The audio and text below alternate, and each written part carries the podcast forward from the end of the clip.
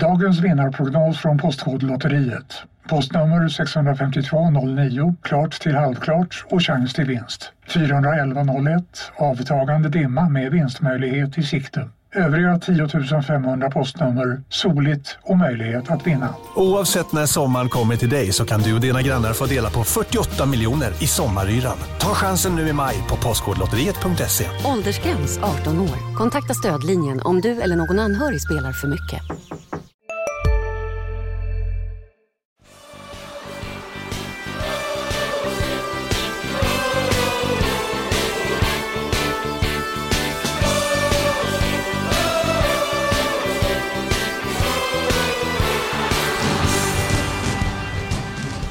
Landskrona Boys spelade 0-0 mot allsvenska Mjällby. Ja, Mjällby som faktiskt som nykomling slutade så högt som på femte plats och Boys gjorde en bra första match på säsongen. Marian Svab, Erik Persson, jag Mattias Hjelm ska ta ett ordentligt grepp om den här först ut i det här andra avsnittet av Landskrona Boys podden. Och så ska vi prata om vissa öppna positioner, vissa comebacker, vissa nya spelare som var med, vilka som imponerar så här långt och ja, ni har hela paketet där. Välkomna att lyssna! Marianne och Erik, sätt igång nu! Landskrona Boys, Mjällby 0-0.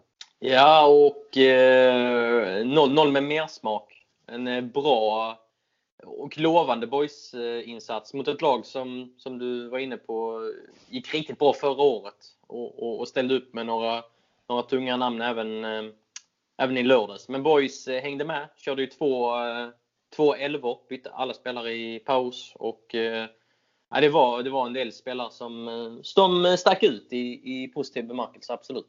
Ganska klädda med andra ord eftersom du sa två elvor Erik, att ganska klädda på alla positioner nu.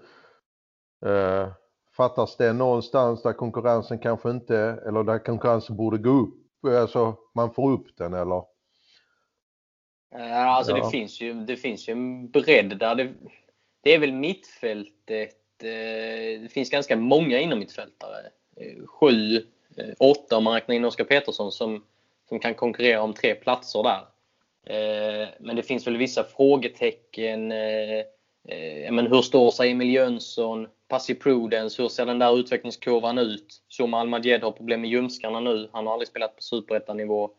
Eh, så där finns väl några frågetecken, men det bör ändå finnas en bredd. Eh, Framförallt så är det väl rätt så många som kan alternera i back... Eh, det finns ett par, inte många, men ett par namn som kan alternera i backlinjen om man nu säger att kanske på superettanivå har inte alla lag två spelare på samma position alltså som kan konkurrera. Eh, även om du säger att de hade två elvor inne nu så eh, är det väl ett par spelare, olika spelare som kan alternera mellan ytterback och mittback till exempel. Du tänker på Jonathan Asp exempelvis? Exempelvis ja. ja. Jag tycker vi ska föra in en aspekt i det här så att inte jag glömmer den frågan. För jag vill ha med det. För det går ju alltid att drömma och drömmar är viktigt för att driva framåt. Just Mjällby, det var ju inte länge sedan de var en bit ner i systemet också.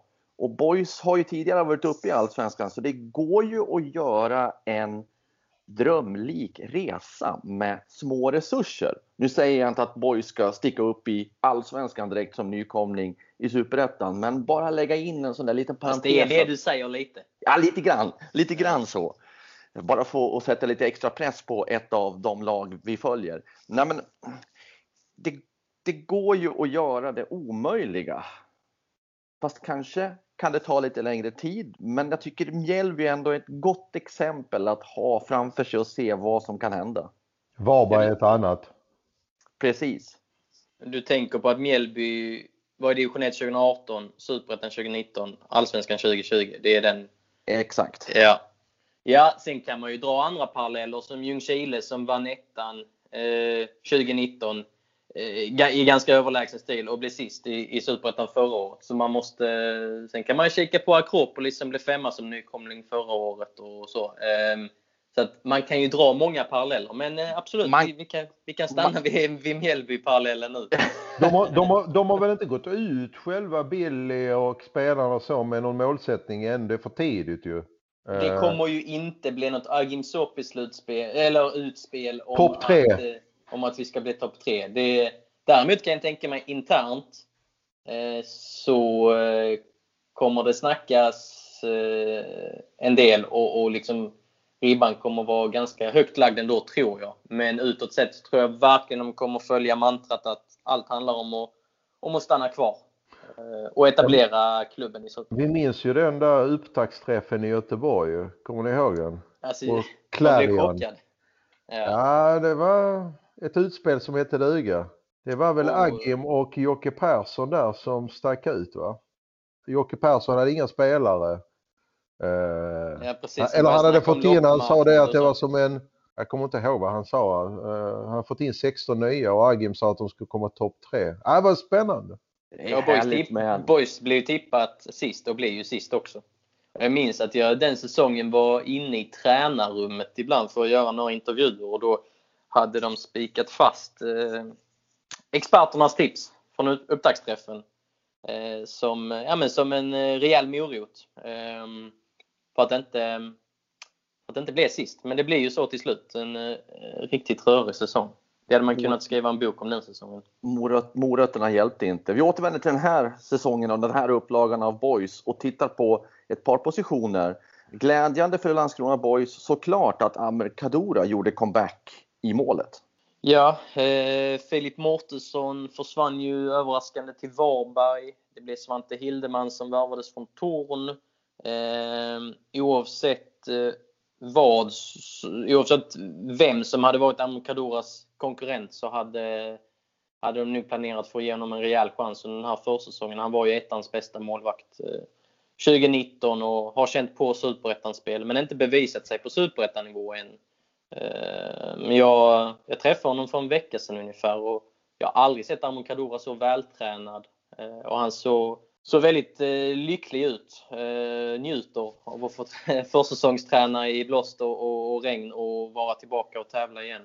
Det ska bli intressant att se var han står. Han har ju alltid stuckit ut med, med väldigt bra spel med fötterna. Eh, Det ska bli intressant att se hur han, ja, men hur hanterar han luftrummet och, och hur, hur, hur äger han sitt straffområde den här gången. Det är tredje chansen i Superettan för honom. För mig är det han som, för mig är det han som startar eh, säsongen. Eh, och eh, eh, det är ju ganska, det här med när målvakter har varit borta länge. De har ju en kortare startsträcka någonstans med en utespelare när det kommer, när, när det kommer till att komma in i det hela så att säga in i, i, i, rulla igång det hela igen efter en långtidsskada så har ju ändå målvakterna någonstans en, annan, en kortare startsträcka, får jag en känsla av ibland. Eh, och att de kommer, beroende på vilken skada det är såklart ju. Eh, men eh, det är ju otroligt lovande att han, eh, om han nu har fått träningen och har de här skillsen kvar han hade en gång, då tycker jag det för mig det är rätt givet att han startar säsongen. Ja, han, var ju, han var ju igång i full träning eh, i, november, december där och, och, ville, väl, ville väl dra igång tidigare än vad eh, sjukgymnastteamet eh, ville. Eh, så att han, han har ju varit redo ett tag. Eh, och sen har han ju, han har ju haft vissa matcher genom åren som har, eh, som har varit sämre men, men han har också haft eh, höga toppar och, och presterat eh, ja, men i, där, i den där klassiska cupmatchen mot Malmö FF och så vidare. Så det finns en, en, ehm, en bra högsta nivå som man bara måste hitta liksom, mer regelbundet. Han har varit med i Palestinas landslag också. Eh, Asiatiska mästerskapen. Det kanske inte låter eh, något eh, liksom, speciellt men eh, det krävs ändå en del att komma in i, i en sån mästerskap, mästerskapstrupp.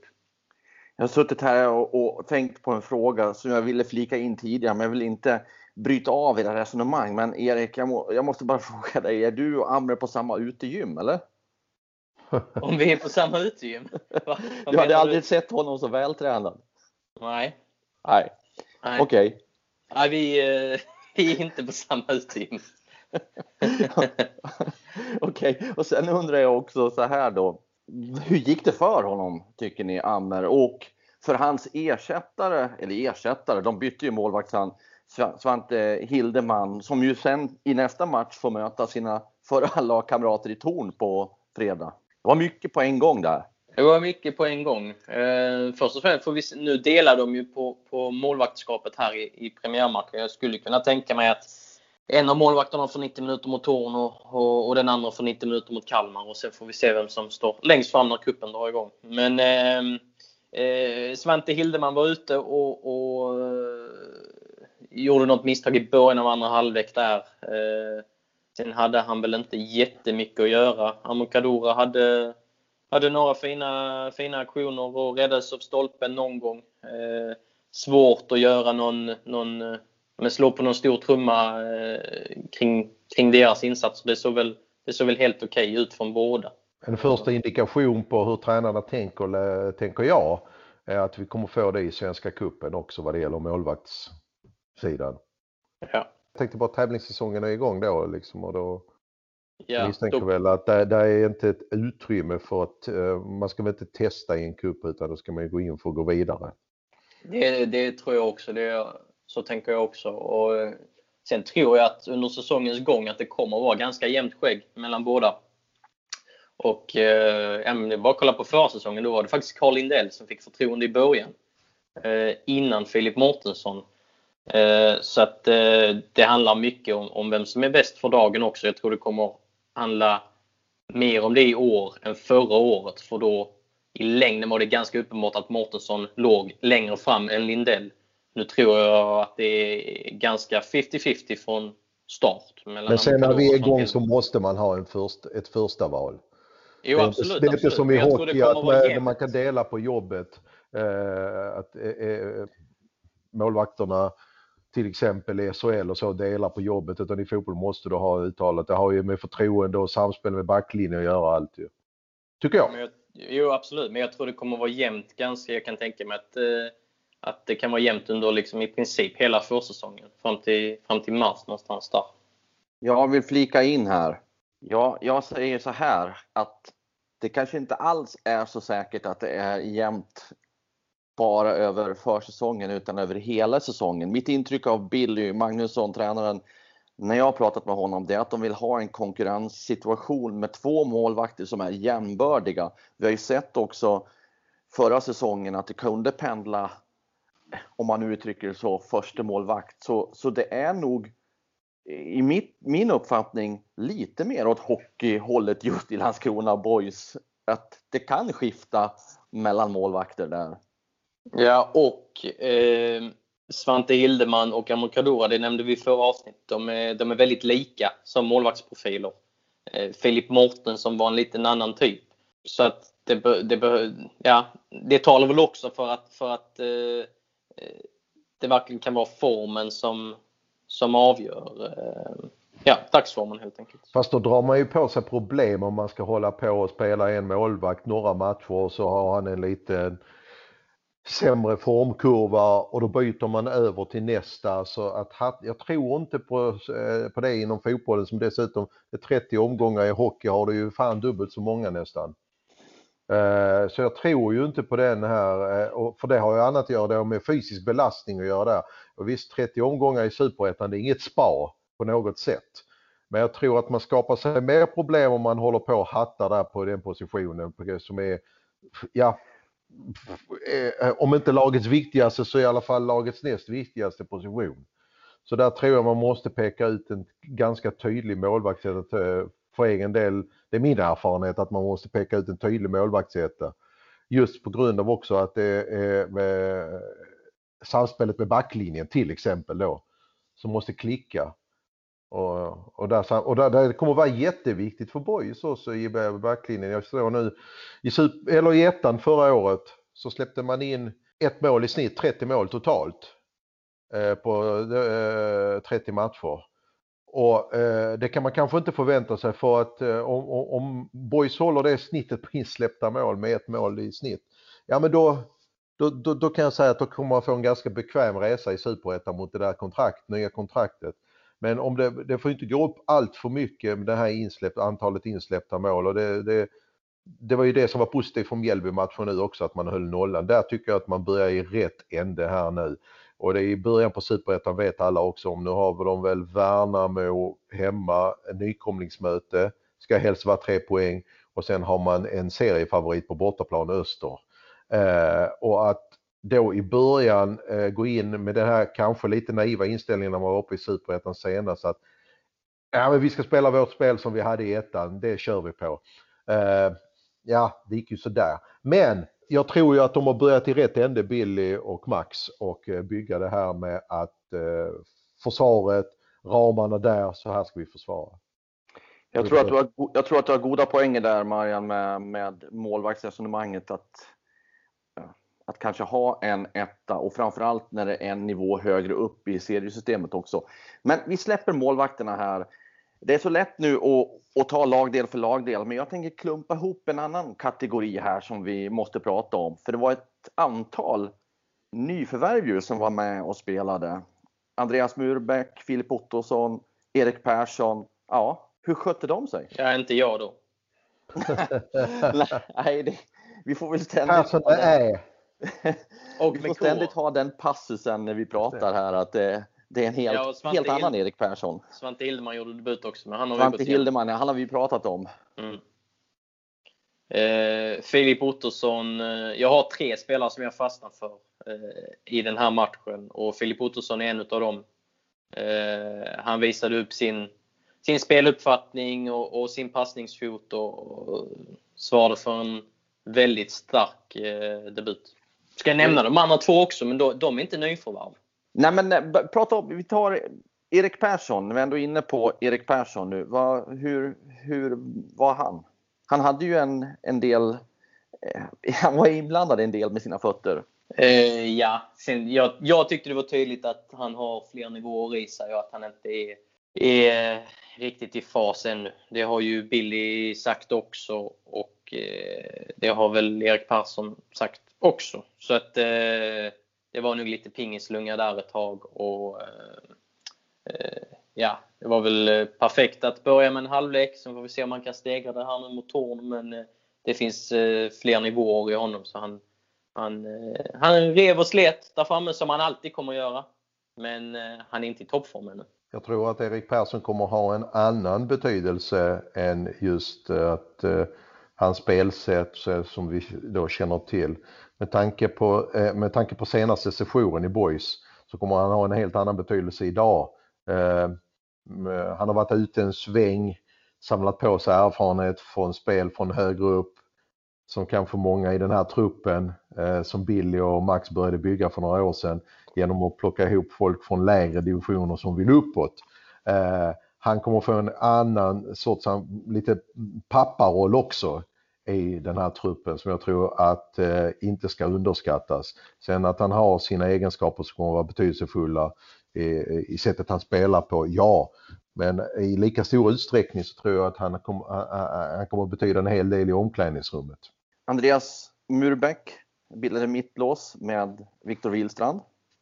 Ja, jag har pratat med Viktor Wihlstrand där vi kommer in på just Murbeck och, och uh, Wihlstrand ger en ganska bra bild av, av Murbeck där också. Jag, han, han gjorde väl helt helt okej. Okay. Det såg lite vimsigt ut stundtals där i första halvlek i, i backlinjen. Några ganska grova felpassningar och, och så. Men eh, Murbeck, eh, det finns fler nivåer i, eh, i honom också. Och det verkar också vara en bra karaktär. Eller det är en bra karaktär. Han kommer också göra nytta i omklädningsrummet och han kommer göra nytta på, på planen. Eh, men, eh, ja, men god, godkänd eh, debut men det finns fler nivåer där också.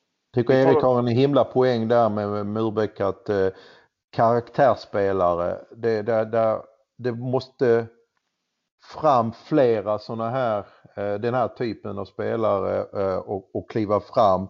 Eh, om de sen spelar i centrallinjen eller vad, äh, de får ju inte spela för långt bak men du har ju rätt många nu ändå som man kan benämna som karaktärsspelare. Och eh, där har du till exempel, och det är bra att Murberg kommer in då eftersom Filip, vi vet ju inte när han kan vara aktuell igen för spel. Då tänker jag på lagkaptenen Filip Andersson. Filip Andersson ja. Men Erik, du nämnde det att du har pratat med Viktor Wihlstrand. Vi tar och lyssnar till Viktor själv, vad han säger om, om första matchen och om Murbeck. Ja, känslan är att vi uh, gjorde en solid insats egentligen från, uh, från start till mål. Uh, vi ställde upp med en elva i första halvlek och en helt annan elva i andra halvlek. Och jag tyckte att, att båda halvlekarna funkade bra. Det var många som verkligen visade framfötterna. Särskilt många av de unga killarna och även, även de nya som har, som har fallit in bra i, i, i, i ramen och lärt sig sättet vi vill spela på och, och tagit till sig sina roller på ett bra sätt. Uh, så känslan är positiv. Det... Hej, Synoptik här. Visste du att solens UV-strålar kan vara skadliga och åldra dina ögon i förtid?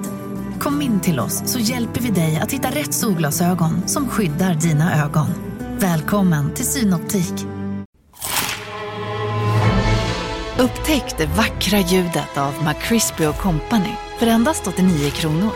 En riktigt krispig upplevelse. För ett ännu godare McDonalds. Skönt att hålla nollan.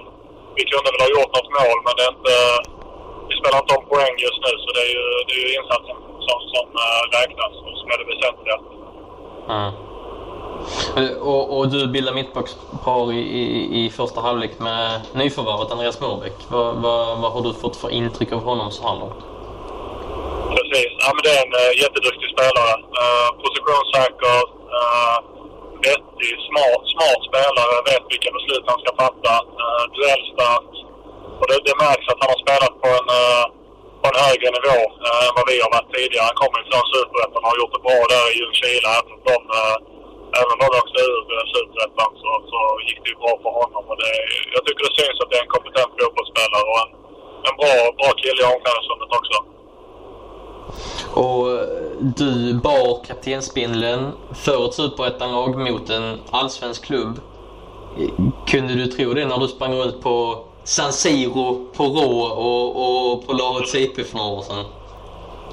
Nej, inte direkt. Det var nog mer än vad jag kunde, kunde drömma om faktiskt. Men uh, nu, nu, har jag lyckats ta mig dit och det är bara att njuta av varje sekund jag får. Så det, det är jättekul. Och det, uh, verkligen ett uh, hedersamt uppdrag att få, att få ha den uh, bindeln på armen när, när, när Fille inte är med. Vad, vad blir din uh, största utmaning i år, tror du?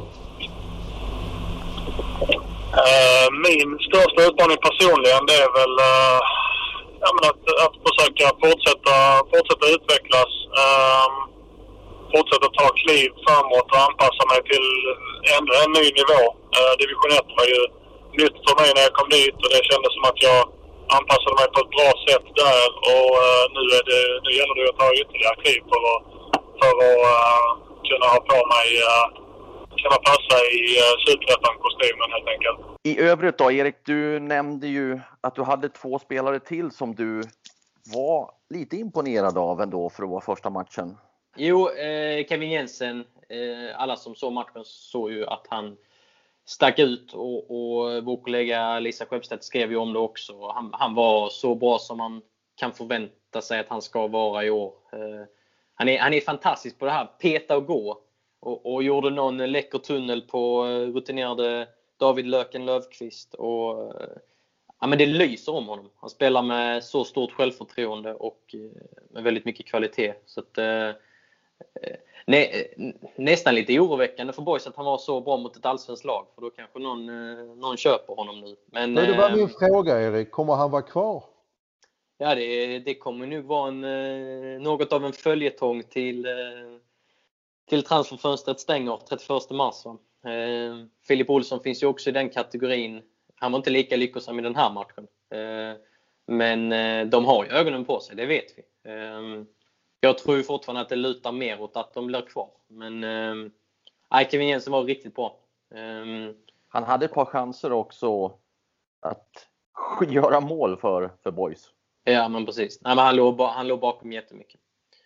Och sen eh, i de bakre leden, i mittbacksledet, Johan Rapp som nog är en eh, okänd eh, herre, något av en doldis för många. Han kom ju från MFFs, Malmö FFs U19-lag i somras. Eh, han, eh, han hade kämpigt de första, låt säga fem minuterna med ett, ett par mindre lyckade aktioner. Sen eh, vet jag inte om han tog ett enda felsteg. Han var, ja, men från 50 minuten och framåt så var han femstjärnig.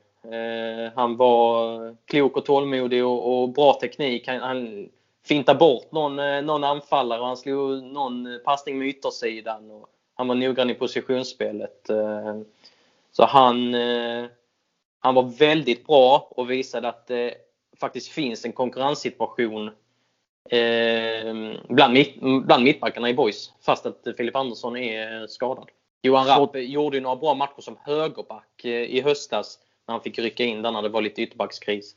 Men han är ju mittback egentligen.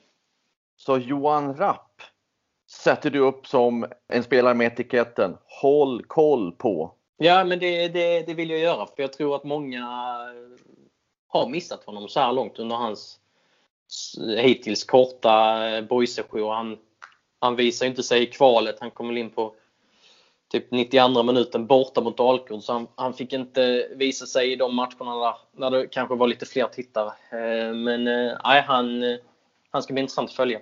Johan Rapp, då har vi nästan tagit oss igenom hela laget, hur det var mot, mot Mjällby, även om vi inte har nämnt alla vid namn.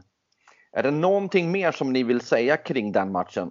Nej, inte annat än att de fortsätter. Billy och Max ser ut till att fortsätta. Det ska de göra såklart, att eh, fortsätta på det konceptet de har byggt på under år vad det gäller spel, eh, system, spelsätt och så.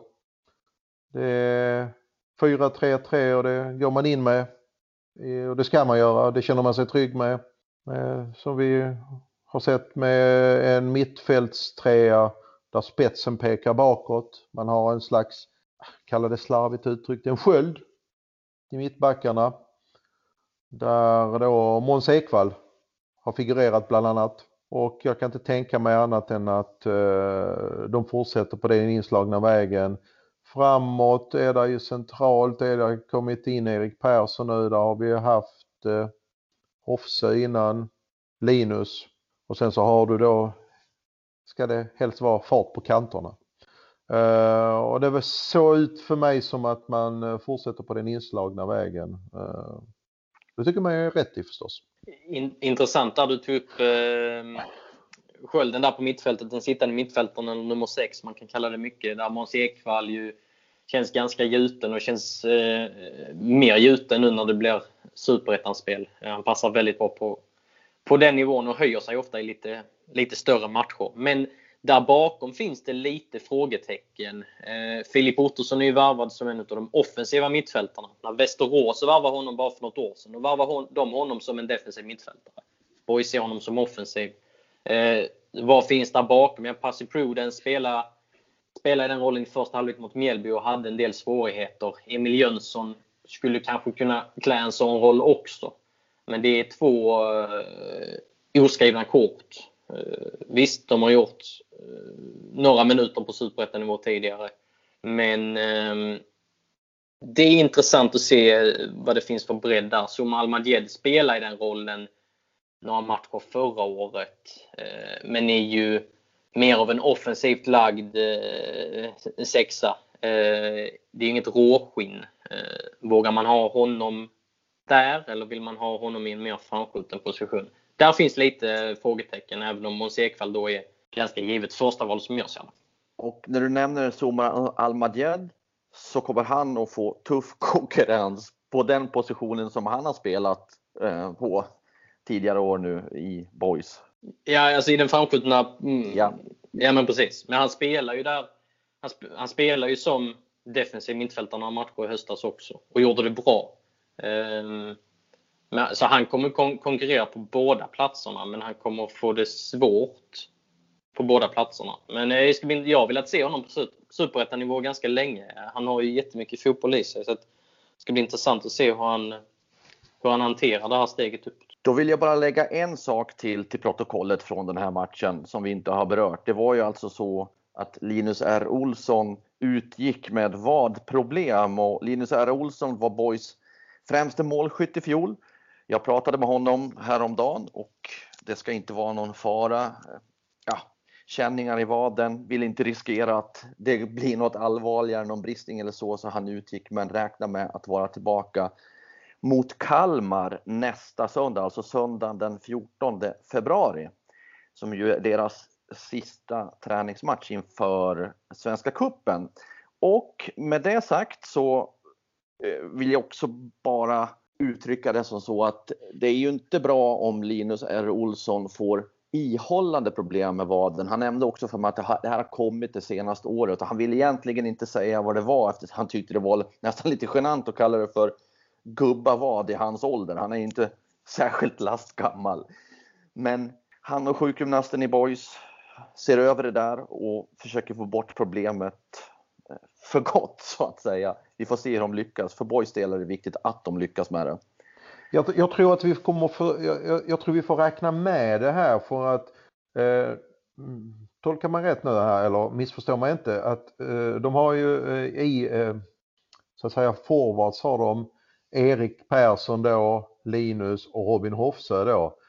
Och, och, och, de är olika, jag vet att de är olika till spelsätt och man kan använda dem på olika sätt. Men på ett sätt så, eh, så, så liknar de varandra och det är att de är ganska hänsynslösa mot sig själva när de spelar.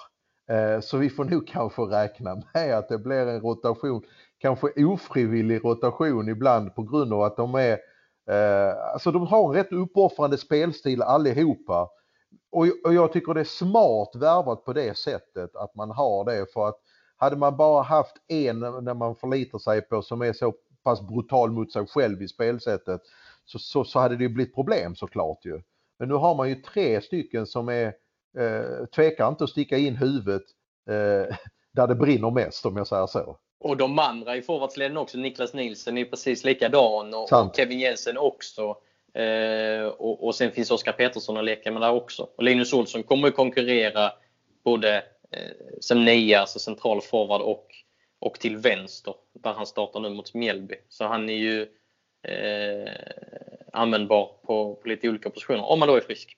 Jag tycker om de här karaktärerna, alltså där har du det med karaktärer igen. Att de inte tvekar att kasta sig in i situationer. Och om jag kollar statistiken rätt här nu så har eh, Linus Olsson nu eh, sen han återvände till Borg 2019 så har han missat, eh, vad blir 8 plus 6? Det blir 14. 14 seriematcher har han missat på två säsonger. Eh, så att, eh, han har ju haft lite småproblem eh, här och där och eh, det kommer han säkert få i år också. Men eh, så länge det inte blir något jättelångvarigt så, eh, så känns det ändå som att det finns ganska bra täckning där bakom. Det jag tänker på lite grann är också att eh, jag har funderat lite grann kring det här med konkurrensen, så vad, vad Landskrona Boys just nu. Jag har inte koll på, snorkoll på alla trupper.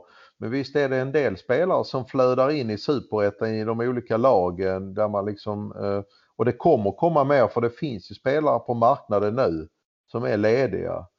Så vi lär ju få se kanske ännu mer fram till 31 mars då när transferfönstret stänger det kan nog flyta in en hel del intressanta spelare i superettan hos konkurrenterna. Eh, jag vet inte, Boys väl, känns väl ganska färdiga med sitt. Eh, ja, de så. har velat ha 22 plus 3 och det, det har de nu. Det har de ju nu va, ja. men jag ser ju att det flyter in spelare fortfarande i de andra trupperna. Akropolis var, dubbelvarvar väl häromdagen till exempel väl? Ja, det, ja, det kommer absolut hända grejer. Det är, det är det som gör det svårt att bedöma massa konkurrenter. AFC Eskilstuna kommer väl trippelvarva timmen innan transferfönstret stänger, som de brukar göra. Det är säkert någon gammal Arsenal-spelare eller något sånt. Ja, och Boys ska ju inte heller sitta säkert i båten och säga ja, nu knäpper vi händerna, vilar lite grann och så är vi nöjda och belåtna med den truppen vi har. För du nämnde Kevin Jensen, du nämnde Filip Olsson.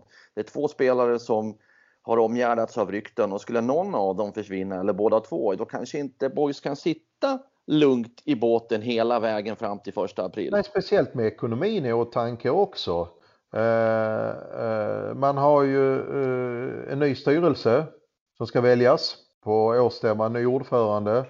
Och nu är det väl lagt en nollbudget, men vi vet ju inte med det här med publiken, årskort, intäktssidan. Då kanske man, då får man ett bud på någon mille från någon allsvensk klubb. Eh, om Sirius eller någon sånt kommer och eh, erbjuder en summa för Kevin eller Filip, ja då får man ju, då hamnar man i en sits där man får börja fundera lite grann om vad som väger tyngst. Känner jag Billy Magnusson och Max Möller rätt så har de ju verkligen eh, en, eh, en lista med potentiella eh, ersättare. Eh, så länge Boys inte går upp i Allsvenskan så vet de ju att Kevin Jensen och Filip Olsson kommer försvinna eh, antagligen efter den här säsongen om de fortsätter vara lika bra. Så att, det finns ju alternativ där. De har ju redan eh, värvat en, eh, en spelare som inte är i, liksom i dagens trupp. Han kommer att träna med dem en gång i veckan och vara utlånad till IFK Malmö fram till 15 juli. Viktor Ekblom ska på ett tvåårskontrakt nu eh, för, för ett litet tag sedan. Det, det signalerar ju också att de tänker långsiktigt och, eh, eh, och så. så att, de, har ju, de sitter absolut inte lugnt i, i båten och, och förra Förra året så sa de ju att målvaktssidan var klar. Sen så drog Amokadora korsbandet i februari och då fick de jaga ifatt Filip Mårtensson. Så att de är medvetna om att allt kan hända.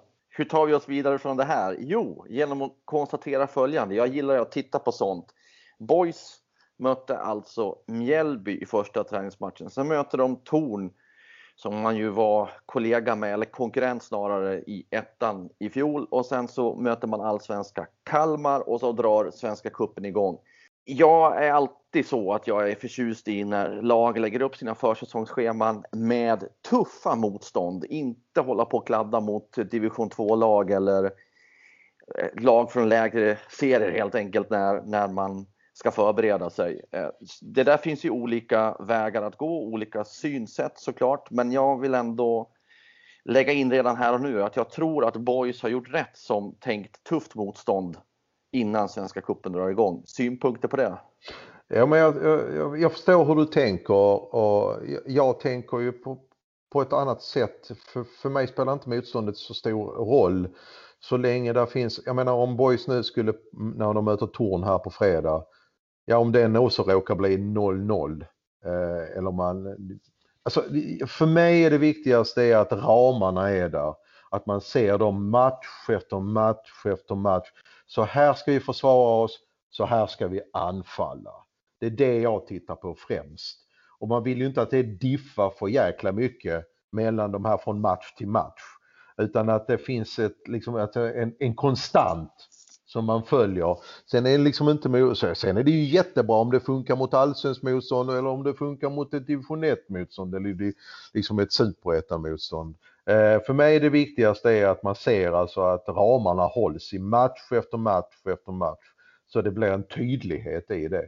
Problemet som jag ser det när man möter för dåligt motstånd, om man uttrycker det så, är att spelar man bra där och vinner så kan man skaffa sig självförtroende och tro kanske få en övertro på sig själva att ja, men, vi är bra, det sitter, vårt, vårt system funkar, vi är redan långt framme och sen kommer tuffare motstånd i seriematch och helt plötsligt så krackelerar det.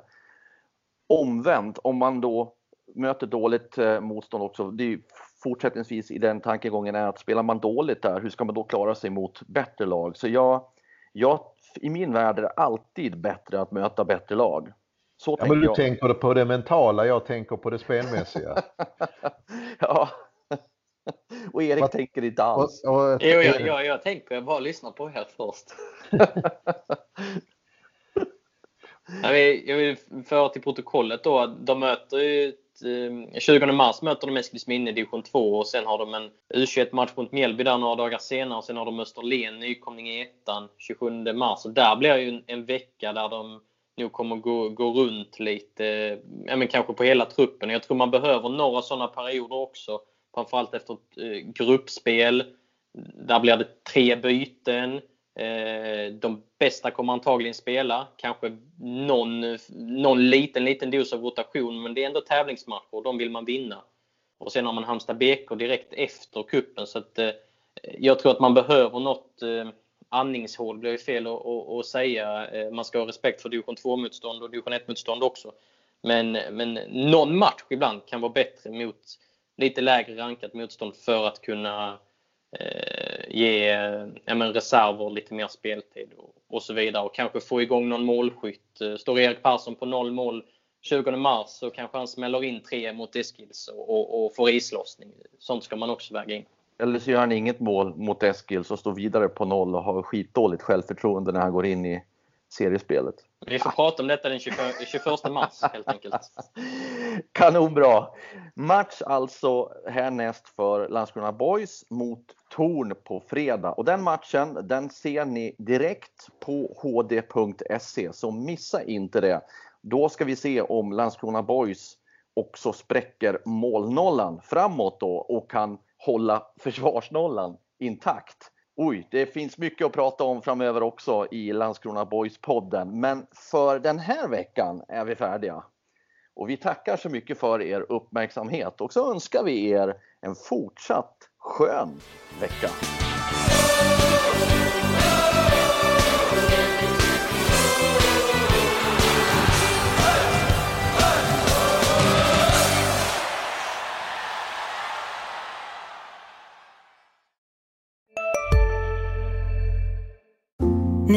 Om det största. Och det största är den minsta. Ni minns de första ögonblicken. Och den där blicken gör er starkare. Så starka att ni är ömtåliga. Men hittar trygghet i Sveriges populäraste barnförsäkring. Trygg Hansa. Trygghet för livet. Just nu till alla hemmafixare som gillar julast låga priser. En slangvinda från Gardena på 20 meter för vattentäta 499 kronor. Inget kan stoppa dig nu.